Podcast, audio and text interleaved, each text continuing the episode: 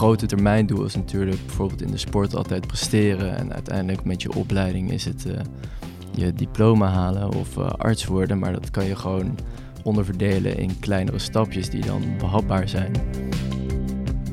Welkom bij Studio Talks, de podcastserie voor en met studenten geneeskunde.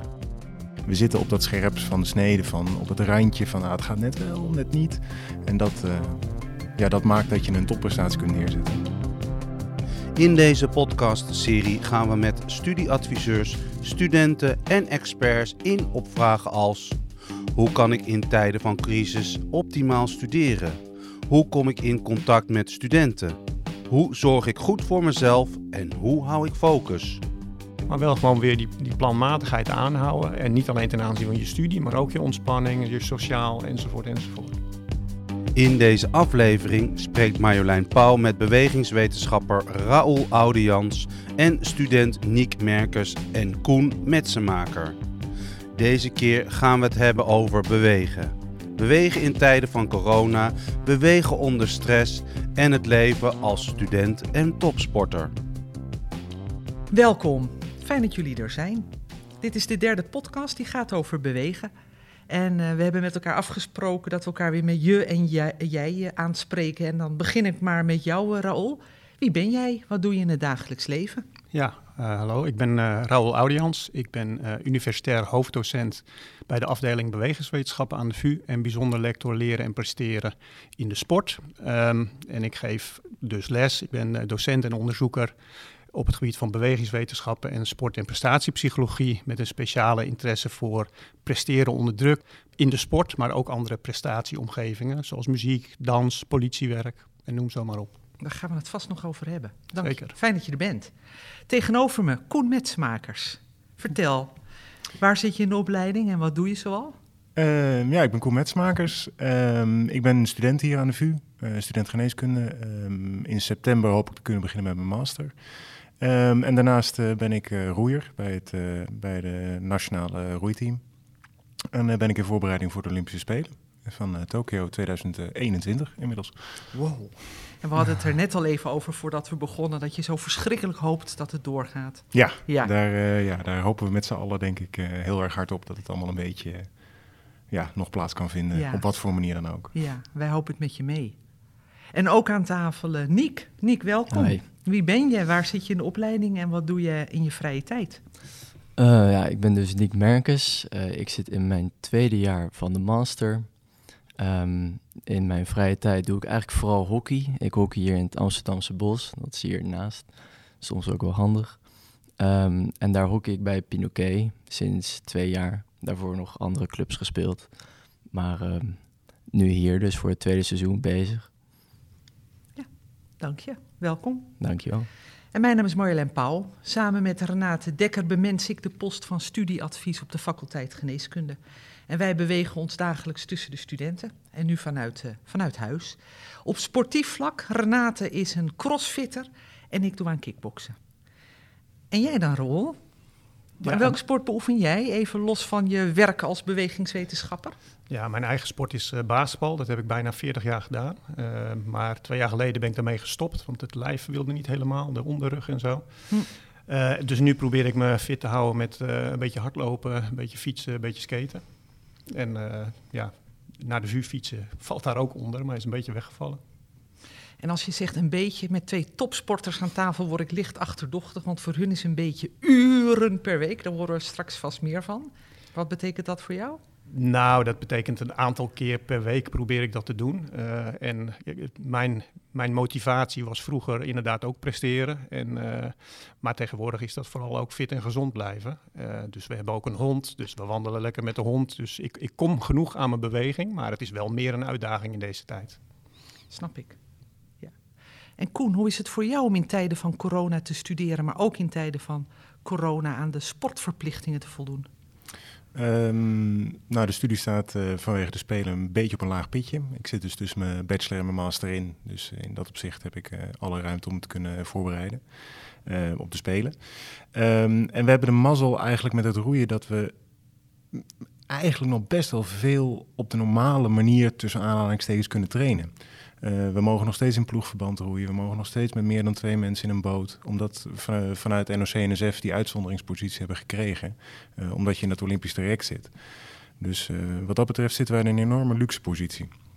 En daar geniet je van, mag ik aannemen. Zeker, zeker. Ja. Nee, ja, je, je, wil gewoon optimaal je kunnen voorbereiden. En ja, daar probeer je alles voor in te richten. En is het zeker fijn dat je ja, ook vanuit NOC-NSF die mogelijkheid nog krijgt. Snap ik. Hoeveel uur studie, hoeveel uur sport in, in de week? Um, ik heb hiervoor de pre-master gedaan, dus dat was een dubbel programma eigenlijk. Ja. Um, dus de bachelor in uh, één jaar. Um, en daarnaast 30, 30 uur effectieve trainingstijd. Klokken we in de week. Dat is een volledige werkbaan? Ja. ja. Oké, okay, dat doe je er gewoon naast? Uh, ja. ja, eigenlijk wel. Beetje schipperen. Ja. Ik kijk naar Niek. Dat moet voor jou niet heel onbekend klinken, of wel? Nee, nee, ik herken me wel aan dat verhaal, ja. Het is gewoon een soort uh, baan naast je studie, maar dan tegelijkertijd je allergrootste passie. Dus dat maakt het ook weer dat het uh, wat minder uh, zwaar op je dak valt. Maar het kost wel heel veel tijd, maar ja, dat, dat hoort erbij. Ja. En hoe combineer jij dit in de tijden van corona? Voel je je beperkt in het sporten? Um, nou, wij hebben inmiddels ook uh, die uitzonderingspositie gekregen. Dus ja, daar ben ik enorm dankbaar voor. Maar we hebben in het begin natuurlijk ook gehad dat wij heel even stil hebben gelegen. En, en dat het niet duidelijk was wanneer het door mocht gaan.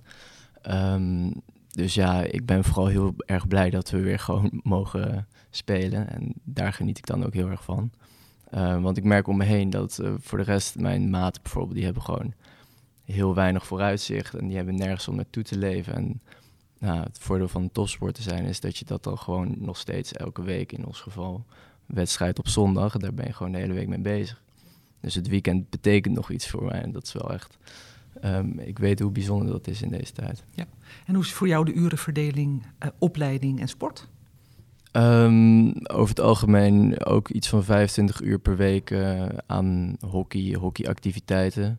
Uh, dus dat is misschien vergelijkbaar. En de opleiding, uh, dat verschilt natuurlijk heel erg in uh, wat er gebeurt. Maar tijdens de coachschappen heb ik wel meegemaakt dat de dagen iets te lang waren.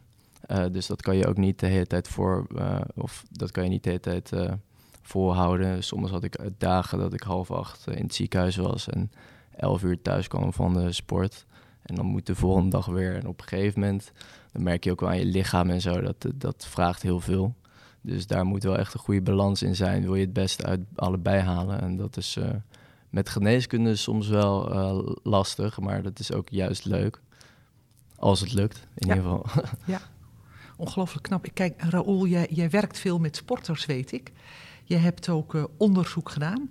Nou zitten we hier met twee sporters aan tafel die uitzonderingsposities hebben omdat ze moeten presteren. Ik vermoed dat jij als docent in coronatijd geen uitzonderingspositie kent voor je werk. Nee, ik, ik, ken geen uitzonderingspositie. Maar ik, ik moet heel eerlijk zeggen dat uh, toen uh, de crisis startte, um, nou ja, dat ik uh, toch binnen een paar weken achter was, verbazingwekkenderwijs, dat ik 90% van mijn werk ook vanaf mijn zolder kan doen. Mm -hmm. en uiteindelijk, toen, toen alles startte, toen had ik nog geen onderwijs wat ik moest geven, geen cursussen. Maar in september wel. Dus bij de eerste golf dacht ik van nou, in september kunnen we gewoon weer. Dat dacht iedereen. Dat bleek niet het geval, maar toen heb ik ook mijn onderwijs gewoon helemaal online uh, gemaakt. En uh, ja, wat ik zeg, 90% van, uh, van het werk wat ik doe, dat, dat, dat kan gewoon online. Is natuurlijk minder optimaal dan, dan in een normale situatie. Maar het is natuurlijk ook weer niet te vergelijken inderdaad met andere mensen of andere sectoren. mensen in de horeca of met winkels, waar, die echt, en in de zorg, die echt zijn aangedaan door de crisis. Ja, wat mis jij het meest? Want het klinkt 90% van de tijd op een zolderkamer, klinkt niet heel geweldig. Nee, nou de, de, inderdaad, de, de uitdaging is om niet gewoon drie dagen op zolder te zitten en bal, qua beweging alleen mijn loopje met de hond te hebben en verder niks. Uh, daar moet ook wel iets meer bij, want op een gegeven moment word je wel een beetje kriegelig.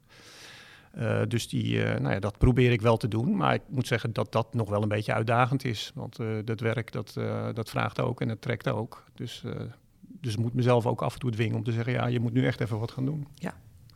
We kennen jou ook als onderzoeker. Je hebt efficiënte oefenmethodes onderzocht. En dat heet Training for Excellence. En het is zelfs genomineerd voor HVA Onderzoek van het Jaar, waarbij je kijkt naar oefenmethodes die de kwaliteit van trainen verbeteren.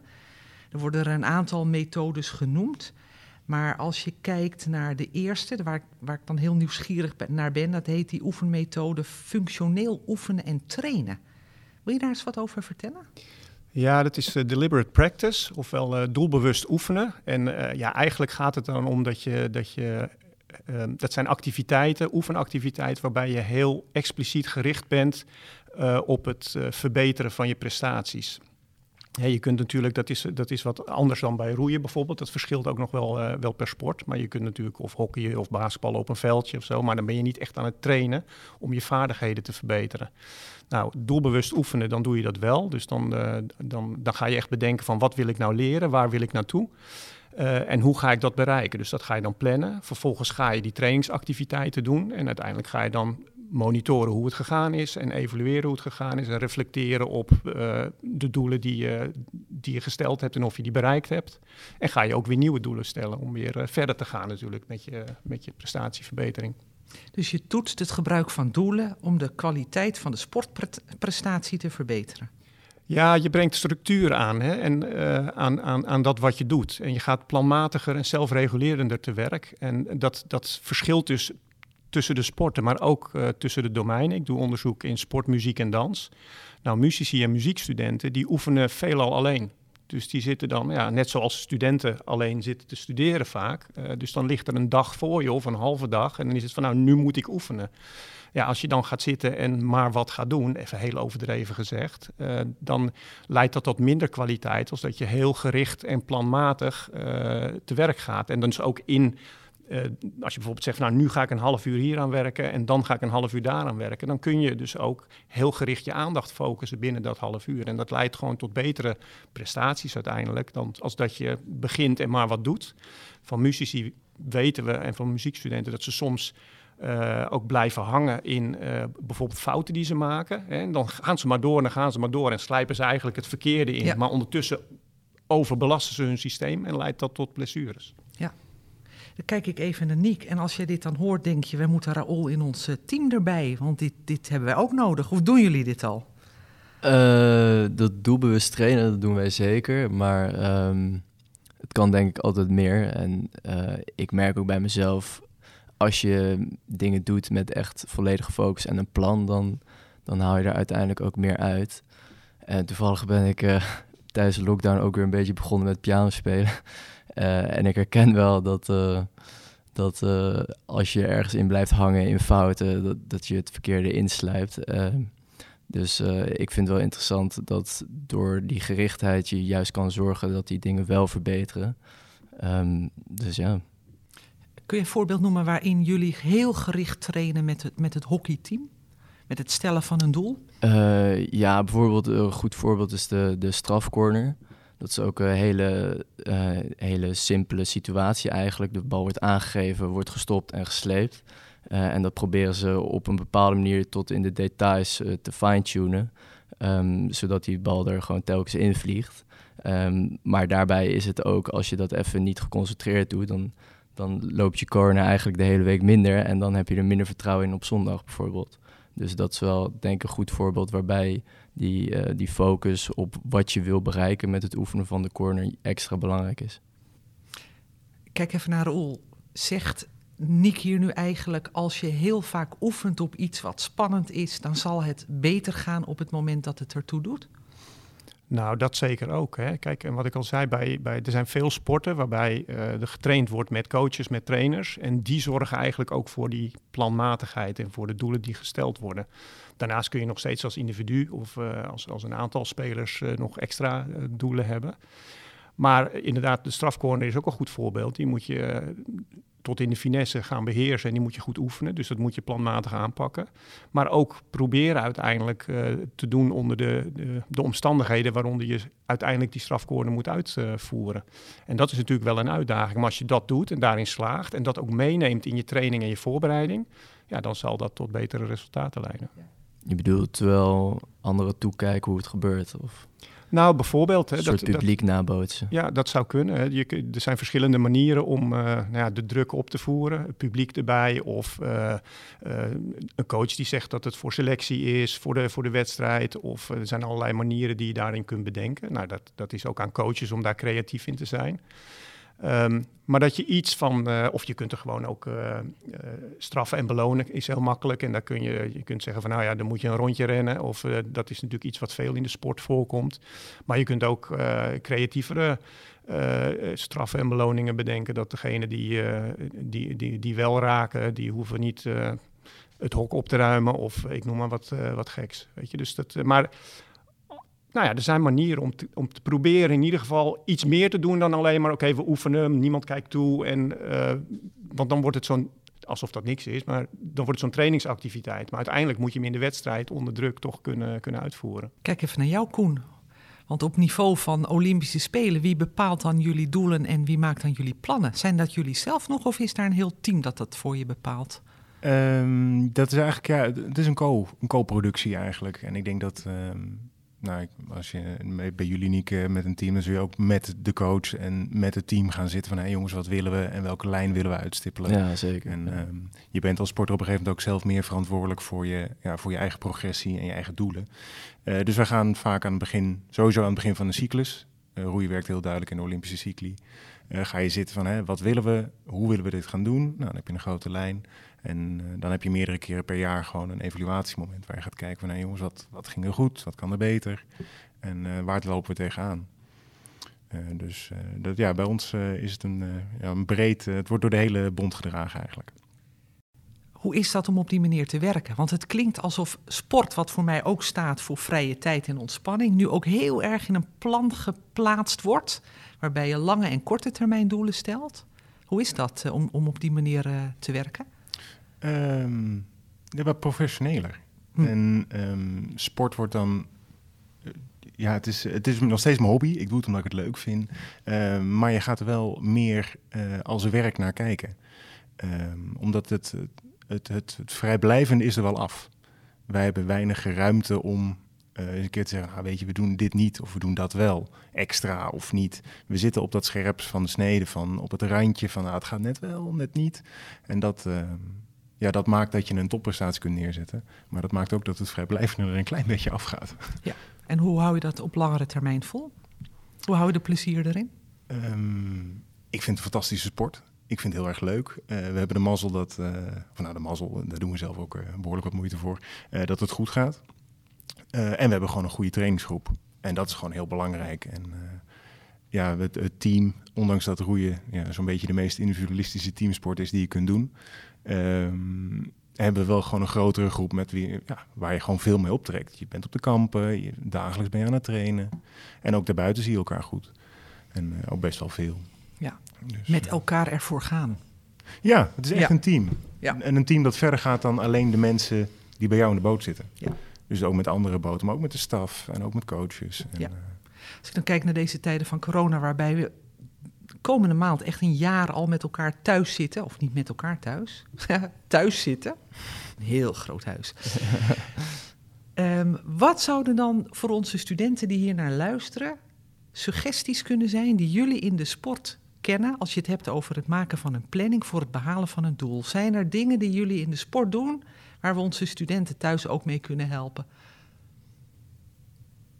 Ja, ehm, nou ja, wat ik zeg, dat, dat, eh, dat doelbewuste oefenen, zoals ik dat eh, net beschreef, en zoals eh, de sporters ook daadwerkelijk doen, dat is ook iets wat, wat goed is voor, voor, voor je studie natuurlijk. Hè? Want, nou ja, stel dat je gewoon je vrije tijd hebt om te studeren, of je vrije tijd, je tijd hebt om te studeren. Ehm, en er ligt een week voor je of een dag voor je. Als, nogmaals, als je daar heel open in gaat, ja, dan, dan ga je misschien maar wat doen. En dat, dat leidt tot, tot inefficiëntie. Dus het is heel goed om na te denken van wat is mijn plan? Eh, wat, wat, wat ga ik nu doen? In dat plan kun je dus ook betrekken van eh, wanneer neem ik pauze en wanneer zorg ik voor ontspanning, wanneer ga ik bewegen. Dus daar bewust over nadenken. Dat betekent niet dat je je 24 uur helemaal tot op de minuut eh, hoeft te, te hebben maar dat je wel nadenkt over wat ga ik doen en wat wil ik zo ongeveer bereiken. Eh, en daar hoort dus, dus ook wel die, die ontspanning en die, die vrije tijd en het bewegen bij. Ja, nog dat? Koen? ja, dat is herkenbaar. Eh, Ja? Structuur aanbrengen. En ehm, ja, maak voor jezelf een doel. En weet je, als topsporter heb je een, een heel groot doel, zeg maar. Aan het eind van de, eh, de stip op de horizon, zoals we het wel eens noemen.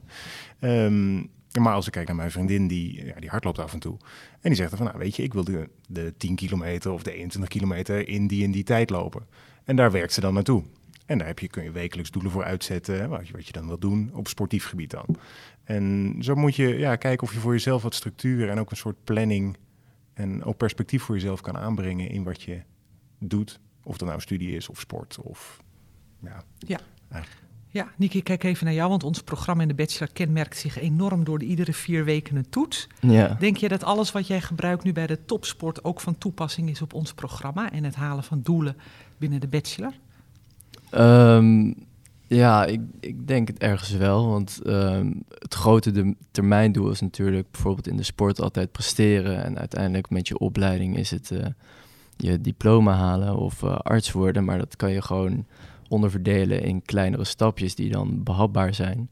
Eh, en daar denk ik ook aanvullend op ehm, wat er is gezegd. Dat de doelen die je voor jezelf eh, stelt, dat die ook vooral haalbaar moeten zijn. Dus als je van plan bent om eh, tijdens coronatijd eh, ehm, even helemaal gek te gaan doen en vijf keer per week te gaan sporten, dan is waarschijnlijk de kans groot dat, dat je dat op een gegeven moment weer laat liggen, omdat je vanuit niets naar heel veel gaat en dan is het weer heel zwaar en eh, wordt het een blok aan je been. Dus daarvan zou ik eigenlijk zeggen, net als in studiesituaties, zorg gewoon dat je het klein houdt en eh, dicht bij huis, eh, zodat het eerstvolgende doel niet te hoog gegrepen is. En dan langzaam kan je dat uitbouwen naar bijvoorbeeld een 10 kilometer of 20 kilometer in een mooie tijd. Ja. Maar begin gewoon eh, bij iets wat jij ook leuk vindt.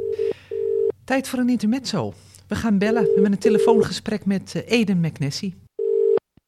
Ik ben tweedejaars geneeskundestudent en eh, ja, ik ben geboren en opgegroeid in Suriname. Twee jaar geleden hier naartoe verhuisd. Ik vind het sowieso lastig dat ik bepaalde dingen niet meer kan doen, zoals afspreken met vrienden, gewoon even naar de sportschool gaan. Dat kan allemaal gewoon niet meer.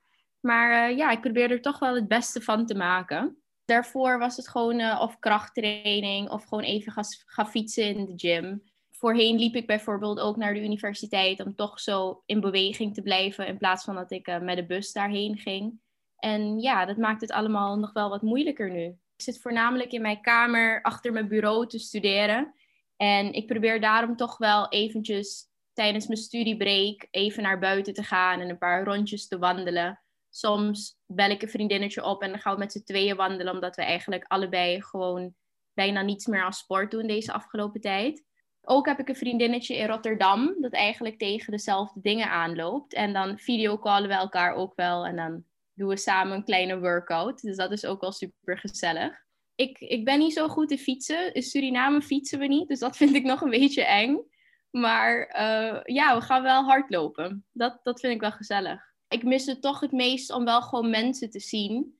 En met vrienden te kunnen afspreken in de sportschool of alles. Maar nu moeten we rekening houden natuurlijk met de coronamaatregelen. Wat ik helemaal snap. Maar ja, ik mis het contact toch wel het meest. Ik denk dat mijn geluk wel is dat ik op een campus woon. En er wel een heleboel mensen zijn die ik hier ken.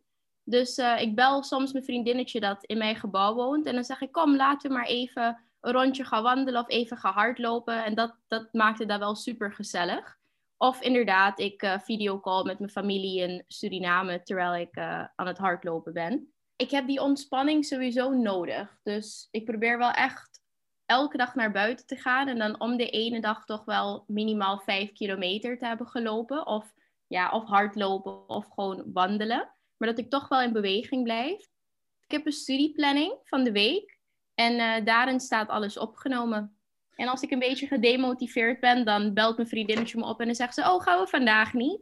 Dus uh, dan ben je een soort van verplicht om uh, uit huis te gaan. Mijn tip is: wees creatief. Bel bijvoorbeeld een vriend of vriendin op en doe samen virtueel een workout. Of uh, probeer gewoon elke dag eventjes een wandelingetje te maken, zodat je toch in beweging blijft, ook tijdens deze coronapandemie. Is wat, hè? Ja. Dan hoor ik Eden... Ja, jij, jij zegt het ook al niet. Ja, Herkenbaar. ja ik, uh, ik hoor het overal omheen, ja, zeker. En dan Ja. zegt ze, ik probeer er het beste van te maken. In mijn kamer achter het bureau. Maar ik hoor wel een heleboel goede elementen eh, die, die Zeker. zij zo beschrijft. Zeker. Precies. Ik eh, wou net zeggen, ik zit hier met drie sportmannen aan tafel. Hebben jullie suggesties voor iedereen die net als Enen thuis zit, maar wel behoefte heeft om te bewegen? Want we weten, zelfs de jongen heeft het al gezegd in een van de persconferenties, dat bewegen goed voor je is. Wat, wat hebben jullie tips? Nou, ik, ik, ik sluit me heel erg aan bij wat zij zegt. Eh, want eh, ze heeft een, een planning voor de studie, maar daar zit ook in meegenomen wanneer ze wil bewegen. Ze heeft ervoor gezorgd dat ze een sociale stok achter de deur heeft met vriendinnetjes. Die, eh, en ze bellen elkaar als de een niet gaat of van hé, hey, we zouden toch gaan. Dus dat is een hele goede manier om, om ook de motivatie erin te houden. Ehm, en inderdaad ook, eh, Niek, wat jij net zei, het, het in deze periode niet te groot proberen te maken en niet te, te ver van, te lang van tevoren, de lange termijn doelen. Eh, maar gewoon van wat ga ik, hoe ziet mijn week er nu uit? Hoe ziet mijn dag er nu uit? En dan de volgende week zien we dan alweer. Dan zijn de regels ook misschien weer anders, dan kan er misschien weer meer. Maar wel gewoon weer die, die planmatigheid aanhouden. En niet alleen ten aanzien van je studie, maar ook je ontspanning, je sociaal enzovoort enzovoort. En dan zie je, ik kijk even naar Niek en naar Koen, dat jullie gezamenlijkheid in de topsport al maakt dat je ergens verwacht wordt. Dus er, er wordt al in die zin wat voor jullie ingevuld. Dat zeiden jullie net Ja. natuurlijk al. Dat is onze mazzel wel in deze tijd. Ja, Ja. ja. zeker. Wij hebben wel echt een flink stok achter de deur wat dat betreft.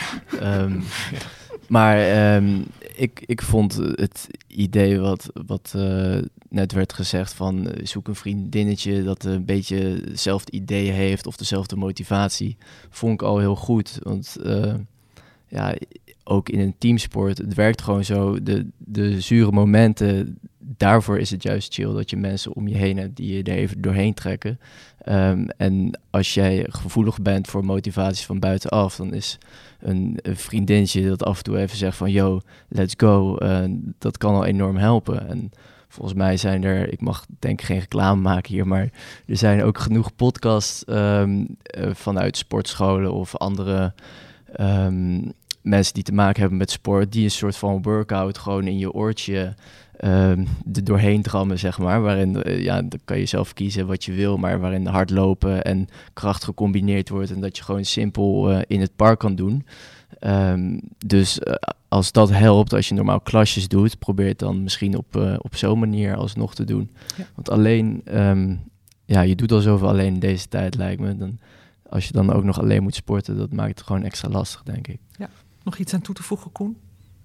Ja, ja, ik, ik, eh, ja ik, het klinkt zo. Ja, ik sluit me zo aan bij de Ja, rest. Maar, eh, nou, dan zijn we het eens. Dat Ja, kan ook, nee. hè? Fijn Nou, maar we het wat ik allemaal wel- eens zijn. Ja. ja, wat ik wel goed zijn, vind ook wat ze zei van, eh, maar wat Raoul ook zegt, van hou het klein. En, want je weet niet wat de volgende week is. En het is gewoon een heel, ehm, ja, in die zin op lange termijn een beetje onzeker. En ik denk als je het inderdaad klein houdt, hou het bij deze week. Of hou het bij, ja, Niek, eh, zijn, zijn competitie in het weekend. Ehm, dan ja, voorkom je die enorme teleurstelling als het weer niet zo gaat zoals je wil. Dus eh, Nou, je kunt daar wel nog aanvullend daarop. Je kunt wel, uh, is een van de methodes die we ook in ons onderzoek meenemen. Als het gaat om presteren onder druk, dat zijn de what-if scenario's. Hè? Wat, wat als? Nou, dat kun je in deze tijd ook heel goed toepassen. Hè? Dat je gewoon voor de komende periode bedenkt van, nou, wat als de regels zo en zo zijn, of als de situatie zo en zo is, nou, dan ga ik dat doen en dan wordt dit het plan. Nou, de routekaart waar al veel over gesproken wordt, maar die kan je ook individueel, kan je wel, je kan dus best langer dan een, een, een week kijken. Um, maar van, nou, als dit het geval is, dan ga ik dat doen. Maar als dat het geval is, nou, dan ga ik dit, uh, dit traject in. Hè. Dat helpt wel ook. Je hoeft niet alleen maar die, deze week en daarna zien we het wel. Uh, dus, maar je kunt een aantal scenario's ja, bedenken. Snap ik. En dat helpt ook weer toch in die motivatie, ook voor de wat langere termijn, uh, om, om, ja, om door te kunnen gaan. Ja. En daarmee ook wat stress te voorkomen als het niet meteen lukt. Want dat is meteen mijn bruggetje naar een ander deelonderzoek van jou. Je hebt, deel, je hebt ook onderzoek gedaan naar presteren onder, uh, onder druk. Ik heb een filmpje gezien, kijk even naar Niek en Koen, waarin hij een jonge dame darts laat gooien op de begane grond, om het maar zo te noemen. En dan je het arme kind naar een of andere hoogte van 7 meter. En dan laat je het haar nog een keer doen. Nou, dat mag voorspelbaar zijn. Dat het resultaat is minder. Maar wat wil je daar nou laten zien? Nou, met die studies uh, die we gedaan hebben, uh, met, een, met een hoge klimmuur inderdaad, hebben we mensen beneden laten darten. Uh, en vervolgens op hoogte laten darten met als verschil dat mensen boven angstiger zijn en nerveuzer zijn. Ehm, en daarmee wilden we in die studies fundamenteel aantonen en onderzoeken van wat zijn nou de effecten van, van, van angst op waarnemen en bewegen. Uh, nou, en dan zie je dat eigenlijk angst effect heeft op alle niveaus, op gedragsniveau, kijkgedrag, aandacht, uh, maar ook de prestaties die, die gaan achteruit. Um, en dat hebben we als opstapje genomen om te kijken van, maar wat als je dan onder die omstandigheden ook gaat oefenen? Hè? dus uh, waar we het net ook over hadden, je moet uiteindelijk, uh, gaat het niet om dat je die bewegingsvaardigheden, dat je die beheerst, veilig in je, in je, in je oefenstudio of op, op het trainingsveld. Maar uiteindelijk ook in, de, in de, de context waarin je die prestatie moet neerzetten. Nou, dus we hebben daar ook onderzoek gedaan, ook met diezelfde klimmuur. En dan blijkt dat als mensen een aantal keer uh, boven met angst die taak moeten uitvoeren, dat ze dan ook beter worden in die taak ook als ze later in een angstige situatie of een uh, stressvolle situatie worden gebracht. Zonder dat die stress weg is. Hè? Want uiteindelijk, als je op het hoogste niveau moet presteren, dat zullen jullie ook weten. Ja, dan zal, je, dan zal je zenuwachtig zijn, dan zal er spanning zijn. En dan moet je toch kunnen laten zien uh, wat je kunt. Dus eigenlijk zeg je oefenen onder druk neemt de spanning niet weg, maar uiteindelijk worden de prestaties wel beter. Ja, want wat, uh, kijk, er zijn natuurlijk allerlei uh, ja, stressreductietechnieken uh, die, die je kunt doen. Nou, als, als de stress de pan uitreist en je kunt bij wijze van spreken, ben je te gestrest om naar de wedstrijd te gaan. Er zijn ook voorbeelden van, van sporters die zoveel stress ervaren dat ze gewoon eigenlijk helemaal niet meer kunnen presteren. Nou, dan moet je daar zeker wel wat mee doen. Um, maar uiteindelijk zul je ook moeten, moeten leren om met een bepaalde mate van stress gewoon die, die, die strafcorner te kunnen nemen of die, die wedstrijd te roeien. Hè? Dus, dus, dus daar gaat het uiteindelijk om. Dus dat zijn die omstandigheden waar ik het over heb. En stress is een van de onderdelen van die omstandigheden. Maar dat kunnen ook andere, andere zaken zijn waar je aan moet wennen. Uh, en waarbij je moet leren om je vaardigheden onder die omstandigheden uit te voeren. Ja, ik kijk naar jou, Koen. Want als jij dan aan zo'n wedstrijd zit en je zit in zo'n boot, hoe doe je dat? Um, nou ja, wat je zegt inderdaad met stress en spanning. Um, wij, nou, laten we zeggen, we trainen in ieder geval heel veel wedstrijdspecifiek. Dus we proberen dat, ja, die spanning ook op te zoeken en ook tegen andere ploegen te liggen. Uh, daarbij heb je ook gewoon de ervaring van veel wedstrijden, internationaal ook. Uh, maar die spanning blijft inderdaad, die gaat niet weg. En ik denk ook dat het ergens wel goed is dat die spanning er is. Als je daar te relaxed aan zo'n start ligt. Uh, want bij ons is dat het moment eigenlijk dat je, je gaat uh, liggen aan die start. Nou, je, je boot wordt uh, in een bakje geduwd. En dan is het wachten op de go.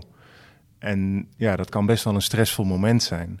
Maar ja, dat probeer je van tevoren een beetje te visualiseren. Daar heb je het met elkaar over. Nou jongens, hoe gaan we het aanpakken? En je hebt gewoon een heel duidelijk raceplan. maar ja, die stress die blijft. En daar moet je op een gegeven moment maar mee om leren gaan. Ik zie, Roel, ik zie jou klinken. Dit gaat over functionele stress.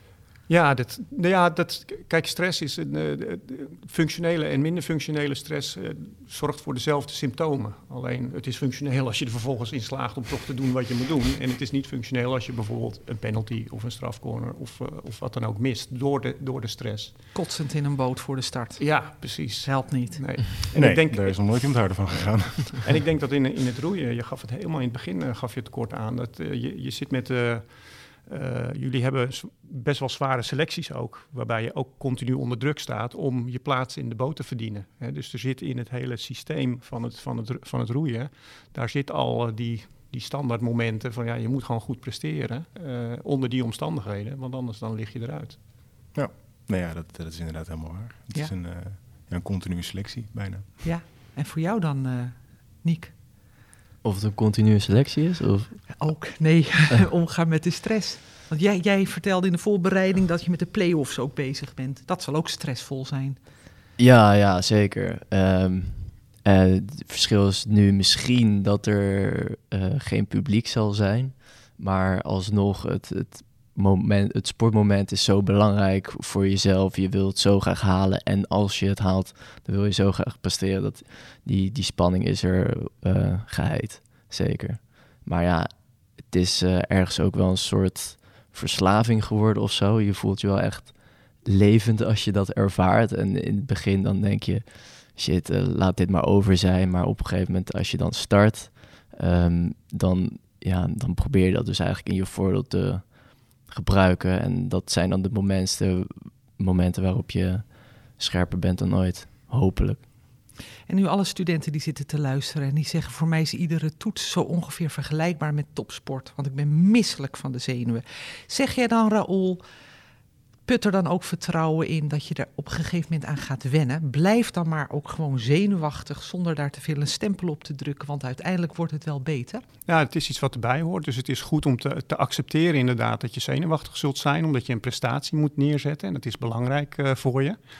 Um, dus dus accepteer dat je die spanning zult ervaren en probeer vervolgens jezelf zo goed mogelijk voor te bereiden, zodat je ook uh, daadwerkelijk op het moment suprem uh, nou, alles goed weet, uh, oefententamens hebt gemaakt, gewoon alles aan doen om voor te bereiden, zodat je ondanks de stress toch daar kunt doen wat je moet doen. Eigenlijk zeg je, het went wel. Of het went misschien niet, maar de, de resultaten zullen uiteindelijk beter worden. Ja, de stress zelf werkt misschien, went misschien niet, maar uh, je, je, raakt er wel aan gewend om ondanks de stress toch te doen wat je moet doen. Ja. Dankjewel.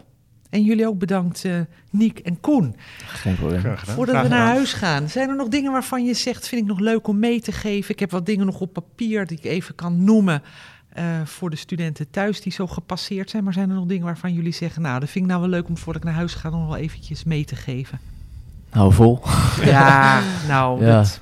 ja daar sluit ik me bij aan. Hou ja, vol en probeer het inderdaad leuk. Probeer met elkaar uh, ja, leuk te houden, ondanks uh, dat het niet loopt zoals je wil. Ja, hou vol, maar probeer dus inderdaad ook gewoon na te denken over van oké, okay, wat ga ik de komende periode doen? Dat helpt gewoon ook om structuur aan te brengen en om te weten wanneer je kunt ontspannen of sociale contacten kunt hebben. Um, zodat je steeds iedere keer kleine doelen kunt halen en dat motiveert weer om door te gaan. Ja, ben ik het helemaal mee eens. Hou vol, want ooit wordt het beter en stapje voor stapje al met kleine, kleine, ja. kleine beginnetjes. Moet en zoals wel, Eden ook zei, wees creatief. Ja. Stap eens een halte eerder uit en loop in plaats van tot het laatste moment in de bus of uh, tram te blijven zitten. En doe het ook samen. Bel een vriendin of zorg dat je gebeld wordt en wandel. En je kan ook een workout doen via de videocall. En als je een plan maakt, heb ik inmiddels begrepen, hoeft het geen plan te zijn op de lange termijn, maar mag het ook een plan zijn op de korte termijn. Waarbij je, al kijk even naar jouw rol, ook een plan B kunt hebben. Zeker. Zodat je niet meteen teleurgesteld hoeft te zijn als iets niet lukt. Maar links of rechtsom, blijf in beweging. Want dat maakt ons niet alleen fysiek fitter, ook mentaal gaat dat uh, een hele positieve weerslag uh, op ons hebben. En daarmee rond ik af. Dank jullie wel voor het komen en voor het meedoen aan deze podcast. Yes, geen probleem. Graag gedaan. Graag gedaan. Graag gedaan. Dit was Studio Talks, gepresenteerd door Marjolein Pauw. De podcastserie voor en met studenten geneeskunde naar een idee van Renate Dekker. Je kunt deze serie op het studentenplatform www.studiovu.nl beluisteren en op het Amsterdam UMC Spotify-account. Heb je vragen, zorgen of tips of wil je als student deelnemen aan deze podcastserie? Schroom dan niet en neem contact op met onze studieadviseurs. Tot de volgende aflevering van Studio Talks.